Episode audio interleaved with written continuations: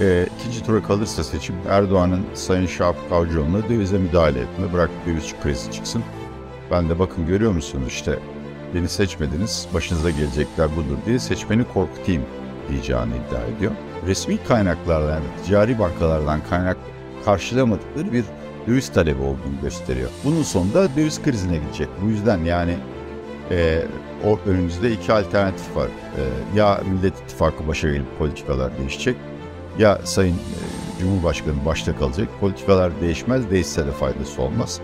Türkiye e, sene sonunda ödemeler dengesi krizine girecek. Yani ülkede fiilen döviz bitmiş olacak.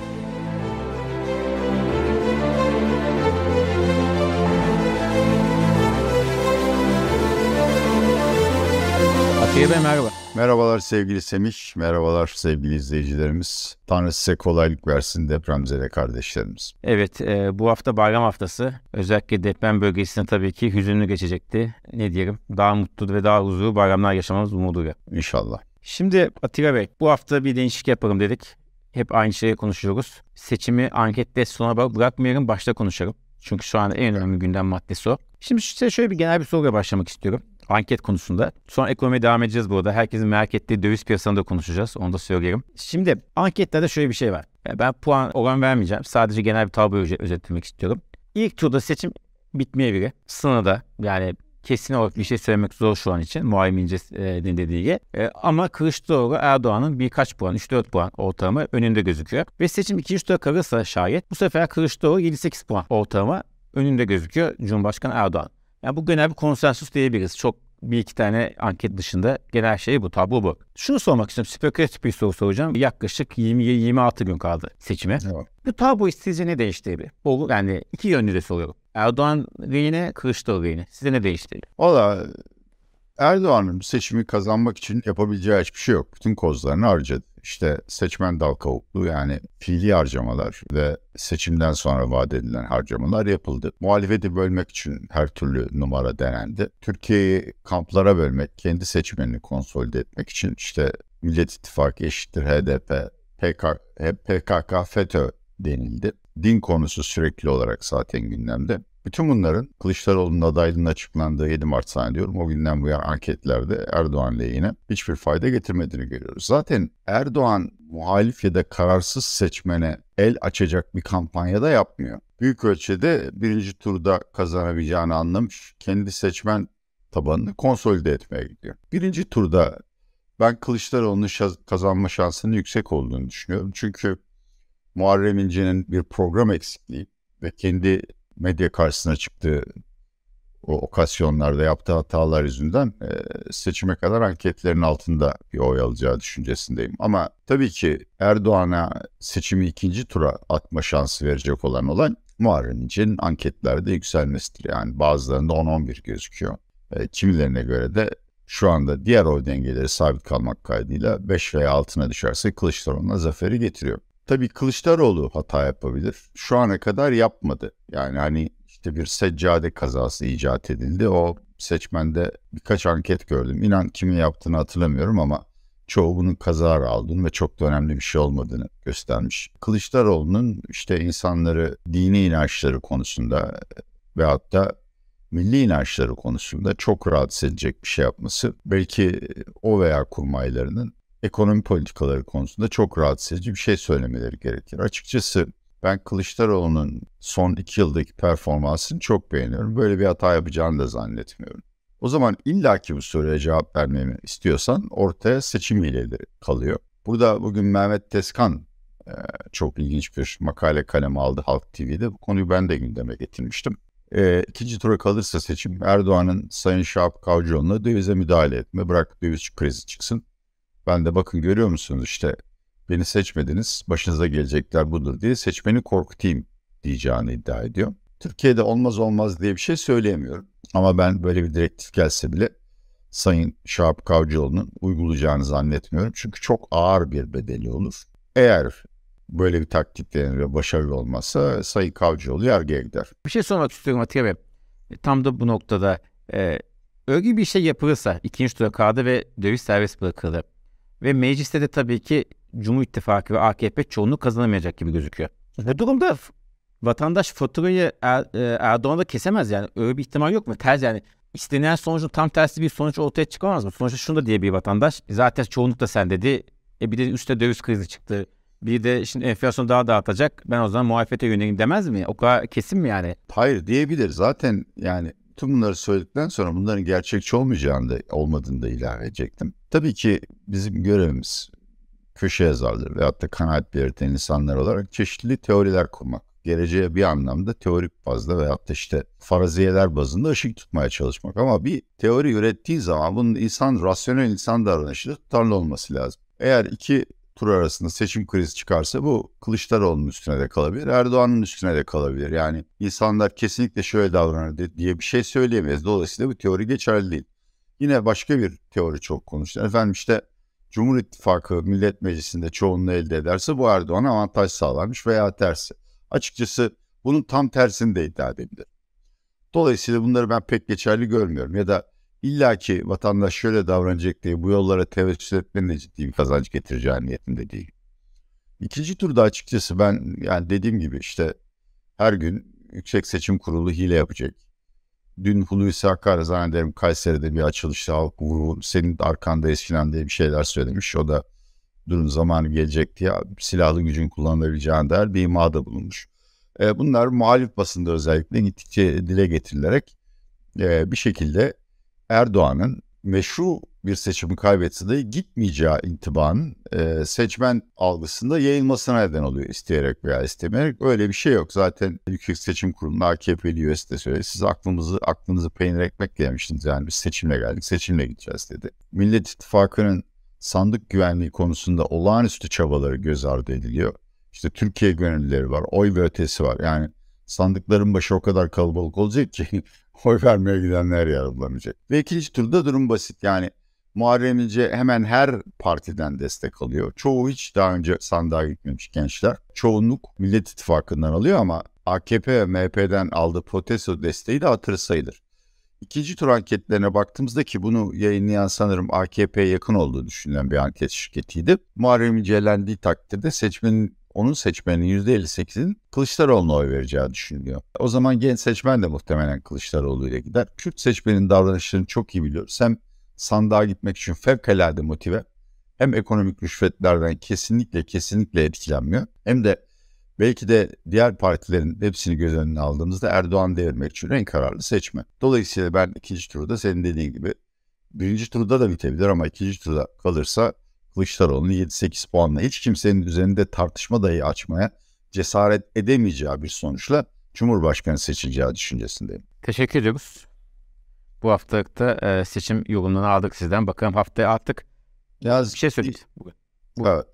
Ya sürekli Cumhurbaşkanlığı konuşuyoruz. Yani parlamento çok önemli. Özellikle Millet İttifakı'nın temel prensibinin otoriteyi Cumhurbaşkanlığından kabine, parlamentoya ve hatta belediyelere ve halka indirme e, yoluna çıktığını düşünürsek Millet Meclisi'nde e, Millet İttifakı'nın 301'e erişememesi veyahut da çok zorda kalırsa işte HDP veyahut da Emek ve Özgürlük İttifakı ile işbirliği yapacak o iki partinin 301 sandalye çıkartamaması çok ciddi sorun yaratır. Dolayısıyla bütün seçmenlerin yalnız Cumhurbaşkanlığında değil e, parlamento seçiminde de Türkiye'nin nasıl idare edileceğini çok yakından düşünmesi lazım. Ve şu andaki bütün anketler hemen hemen bütün anketlerin çoğunluğu Kılıçdaroğlu'nun kazanacağını söylüyor. Millet Meclisi'nde durum ortada. En son yetkin raportta eski emekli büyükelçi Sayın Naci Korur bir simülasyon yayınladı. Ee, Cumhur İttifakı ile Millet İttifakı 260-260 dengelenmiş durumdalar. Ve Nisan ayında benim elime geçen anketlerin ortalamasında AKP yükseliyor. Aslında istatistiki olarak çok yükselmiyor ama İYİP bu masadan kalktı oturdu muhabbetinden bayağı bir oy kaybetmiş. Bir de pek çok anket şirketi eskiden Memleket Partisi diğerlerinin arasına süpürürdü. Şimdi Memleket Partisi'ni ayrı yayınlıyor. Millet İttifakı'nın dört küçük ortağını diğerleri arasına sürüklüyor, e, süpürüyor. Bu da bir oy farkı yaratıyor. Ama nereden bakarsan bak. Önümüzde kalan 27 günde Millet İttifakı'nın rahat iktidarını icra etmesi için Türkiye Büyük Millet Meclisi seçimlerinde çok büyük bir hamle yapması. Belki ortak oyunu en az 3 ama rahat iktidar olmak için 5 puan arttırması gerekir. Ha, bu imkan dahilinde mi? Gelecek hafta sorarsan cevap veririm. Çünkü daha yeni sahaya indi derler. Ve bu kampanyanın etkilerinin geri dönüşünde anketlerden haftaya alırız. Evet e, zaten şimdi bayram var. Bayramdan sonra 24 Doğru, bayramdan özür dilerim. Evet. Ondan 24 sonra... Nisan'dan sonra artık son düzlüğe giriyoruz. 3 haftalık bir süreç. Hem yoğun olacak hem de e, dediğiniz gibi tablo netleşecekti. E, muhtemelen Mayıs başında artık gitgide net bir tablo görürüz gibi giriyor. Peki buradan herkesin merak ettiği ekonomi konusuna geçelim. Döviz piyasasına. Şimdi faizi biliyorduk zaten. Bir sürü faiz var Türkiye'de artık. Yani hangi bir takip edici ve birbiri arasında da bazen bağlantılı yok. Şimdi döviz piyasamızda da farklı döviz kuru olmaya başladı. Çoklu döviz kuru ne demek? Aslında benim yaşımda olanlar çoklu döviz kurlarını çok iyi hatırlarlar 1970'ten. O zaman herkese ayrı bir kur vardı. Kur tamamen sabitti devalüasyon oluncaya kadar. İhracatçının, ithalatçının beni rahmetli babam yurt dışına okumaya gönderdi. Bizim gibi öğrencilere verilecek kurlar birbirinden çok farklıydı.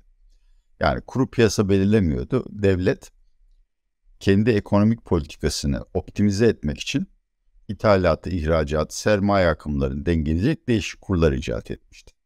Bunun sonucunda da daima bir informal veya kara borsa oluşur. O da işte 70'leri bilirler. Don lastiğinde euro, dolar, özür dilerim Deutsche Mark ve dolar saklama hikayeleri. Türkiye çok uzun süre bunları yaşamadı ama dünyanın her yerinde bir kur krizinden önce ülkenin dış taahhütlerini gerek ithalat olsun gerek vadesi gelen borçlar olsun ödeyecek dövizi kıt, kıtlaştığında derhal döviz işlemlerine kısıtlama getirilir ve bir dizi kur ilan edilir. Hemen arkasından da paralel piyasa oluşur. Ve IMF'nin bir ülkede kur krizini öngörmek için kullandığı en bence başarılı yöntem de şu. Yani ortada bir resmi kur var. Halkın alıp sattığı kur var. Bunların ikisinin arasındaki makas açılırsa bu iyice döviz kıtlığının arttığını ve vatandaşın dövize hücum ettiğini gösterir ki arkasından da kur krizi gelir. Arjantin sık sık bu duruma düşer. Afrika ülkelerinin birçoğunda böyle olur. Lübnan'da zannederim hala bu sistem yürürlükte. İran'da bu sistemin yürürlükte olduğunu düşünüyorum. Yani orada döviz kurunu Merkez Bankası tahsis ediyor ve e, devlet kimi öncelikliyorsa onlara daha ucuz kur veriyor. Şimdi Türkiye'de tam böyle değil. Türkiye'de e, kur dikte ettiriliyor. Türkiye'de mesela ihracatçıların şikayetlerine denge olsun diye bir takım komisyon indirimleri falan yapılıyor. Dövizden çok altın e, talebi baskılanmaya çalışıyor ama nereden baksanız dün Aydınlık Gazetesi ekonomi yazarı bizim de sitemizde yayınlanmasına izin verdi. Recep Erçin'in çok güzel bir yazısı vardı. İş dünyası kur nedir, faiz nedir artık öngöremiyor.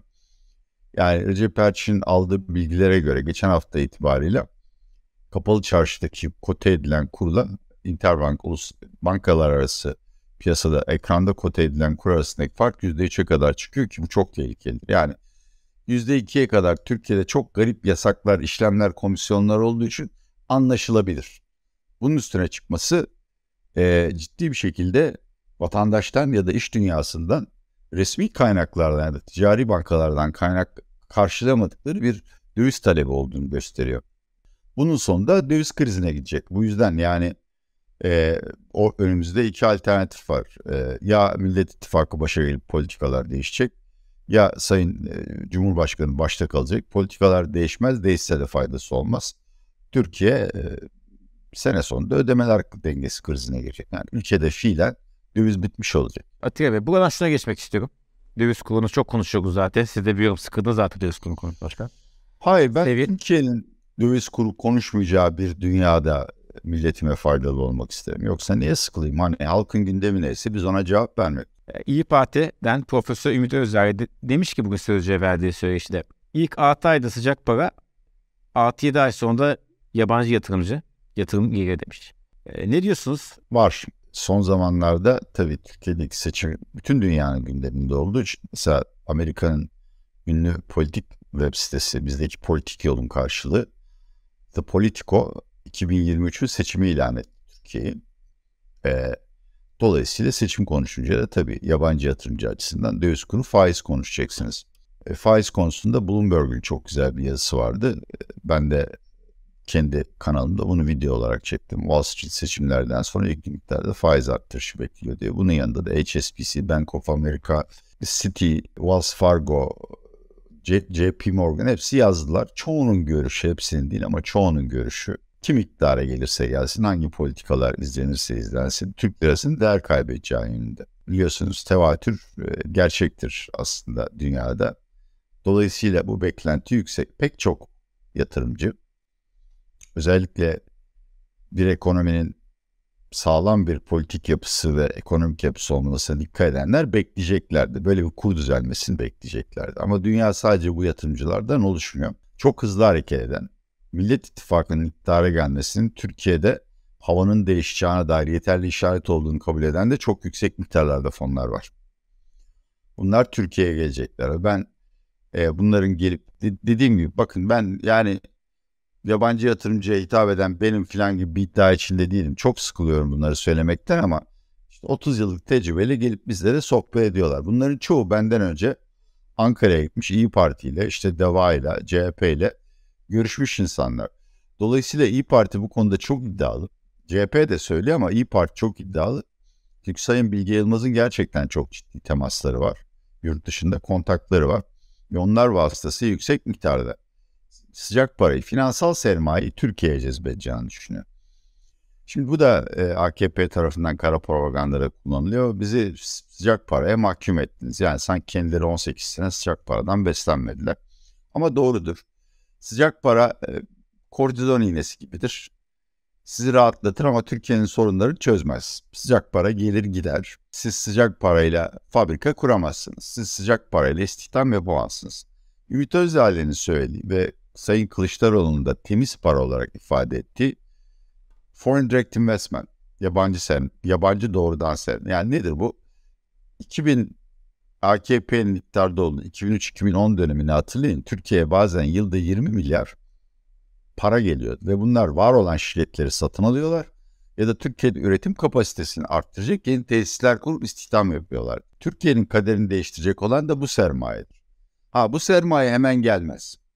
Çünkü hiçbir hükümetin sözüne güvenmez. Adam buraya 500-500 milyon dolar atacak yani ve en az 10 yıl burada kalacak. O daha fazla bir şey görmek istiyor. Burada da ekonomik koşulların düzelmesinden çok yargı sisteminin ıslah edilmesi ve yeniden öngörülebilir bir idare sistemine geçilmesi. Yani vergi yasaları ne olacak, teşvikler ne olacak?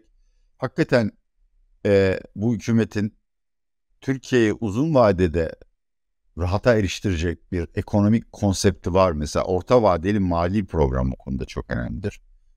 AB ile ilişkileriniz gelişecek mi? Ve önemlisi dediğim gibi yani e, adalete inanarak mülkiyet haklarına sahip çıkan onları e, cesurca koruyan bir hükümet mi var? Eğer bu sorulara evet cevap almaya başlarlarsa hakikaten 6-7 ay sonra Türkiye'ye sıcak para girmeye başlar. Atiye finans merkezini açıyoruz. Yetmez mi ya? E, yeter. Ben birkaç daire alacağım çünkü bedava. Finans merkezinde ne satıyoruz onu ben bilmiyorum. Yani alışveriş merkezi açmışız. E, raflarda mal yok abi. İnanılır gibi. Yani biraz önce çoklu kuru konuştuk. Çoklu faizi konuştuk. Türkiye'de her türlü enstrüman. Bugün Bloomberg'de bir haber daha çıktı. Dolar TL opsiyonları yani Türk lirasını hece etmekte çok kullanılan bir yöntem. Şu anda dünyanın en pahalı opsiyonuymuş yani. Zimbabwe bilmem nesini bile hece etmeye kalksanız daha ucuz. Ya finansal enstrüman yok ki finans merkezi açıyorsun. Finansal yatırımcı yok. Çok acı bir şey yani hakikaten. Her, herhalde yani herhalde finans merkezi açmak için en kötü zaman olabilir değil mi? Evet. Kesinlikle öyle. Halkın yiyecek soğanı yok ki ekmek soğan fakirin gıdasıdır. Uçak gemisi hizmete sokmak da öyle. TOG'la oy kazanmaya çalışmak da öyle. Yani bu hükümetin milli prestij projesi diye sunduğu aslında halkın karnını doyurmayan aksine halkın sefaletiyle mücadele etmeye sarf edilecek kaynağı çok gereksiz şeyler harcayan proje arasında bir tek Karadeniz doğalgazı var. Eğer hakikaten BOTAŞ kredine pompalanırsa ben doğacı olurum. Dolayısıyla bunlar olmayacak ama şöyle söyleyeyim. Biz eğer şu anda neredeyse sıfır olan yabancı doğrudan sermaye akımını milli gelirin %3'üne falan çıkartabilirsek 20 milyar dolar civarında bir şey eder. Türkiye'nin büyümesini bayağı hızlandırırsınız. Ondan daha önemli bir şey var. Türkiye artık teknoloji ithal edemeyecek kadar da fakirleşti. Ve dikkat ederseniz üretim kompozisyonumuz gittikçe ilkelleşiyor. Kilo başı ihracat fiyatımız artmıyor. Türkiye'de artık kaliteli üretim kaldığı kalmadığı için üniversiteden çıkan gençlere de lise mezunu muamelesi kurma, kurye olmaya gönderiyorlar. Tabii ki doğru dürüst bir iş ortamı kurarsak Türk iş insanının ben eminim çok yüksek miktarda yatırım yapacağını ama şöyle bir sorun var. Bunu da yabancı sermaye gelmeden aşamazsınız. Türkiye tasarruf eksiği olan bir ülke. Bu bizim her zaman karşımıza çıktı. TÜİK'in verilerini bir kenara bırakıyorum. Türkiye'nin tasarruf milli gelir oranı 20'dir. Bu da potansiyel olarak sabit sermaye yatırımlarının aktarılabilecek miktardır. Daha fazlası için cari açık üretirsiniz. Şöyle bir şey söyleyeyim. Asya'nın kalkınma patikasına baktığınızda orada tasarruf oranının %30 civarında olduğunu görüyorsunuz. Biz de buraya çıkartamayız ama biraz mali enstrümanlar üzerinde reel getiri artıya çevirip biraz da yabancı sermaye çeviririz, çıkar, çağır, çağırabilirsek şöyle bir denge karşımıza çıkar. Milli tasarruf oranını milli gelirin %25'ine çıkartırsınız. Bir %5 de dışarıdan sermaye getirirseniz Türkiye'nin kalkınması yani yalnız üretim milli gelir değil hani işte hep arzuladığımız teknoloji toplumu var ya medeni toplum var ya oraya erişmesi çok hızlanır. Çok sağ olun Atilla Bey. Ee, şimdiden hem sizin hem de seyircimizin bayramını kutluyoruz. Aynı şekilde herkese uzun bayram diliyorum. Huzur ve sağlıklı bayramlar. Bayramdan sonra görüşmek üzere. Çok teşekkür ederiz. Çok sağ olun.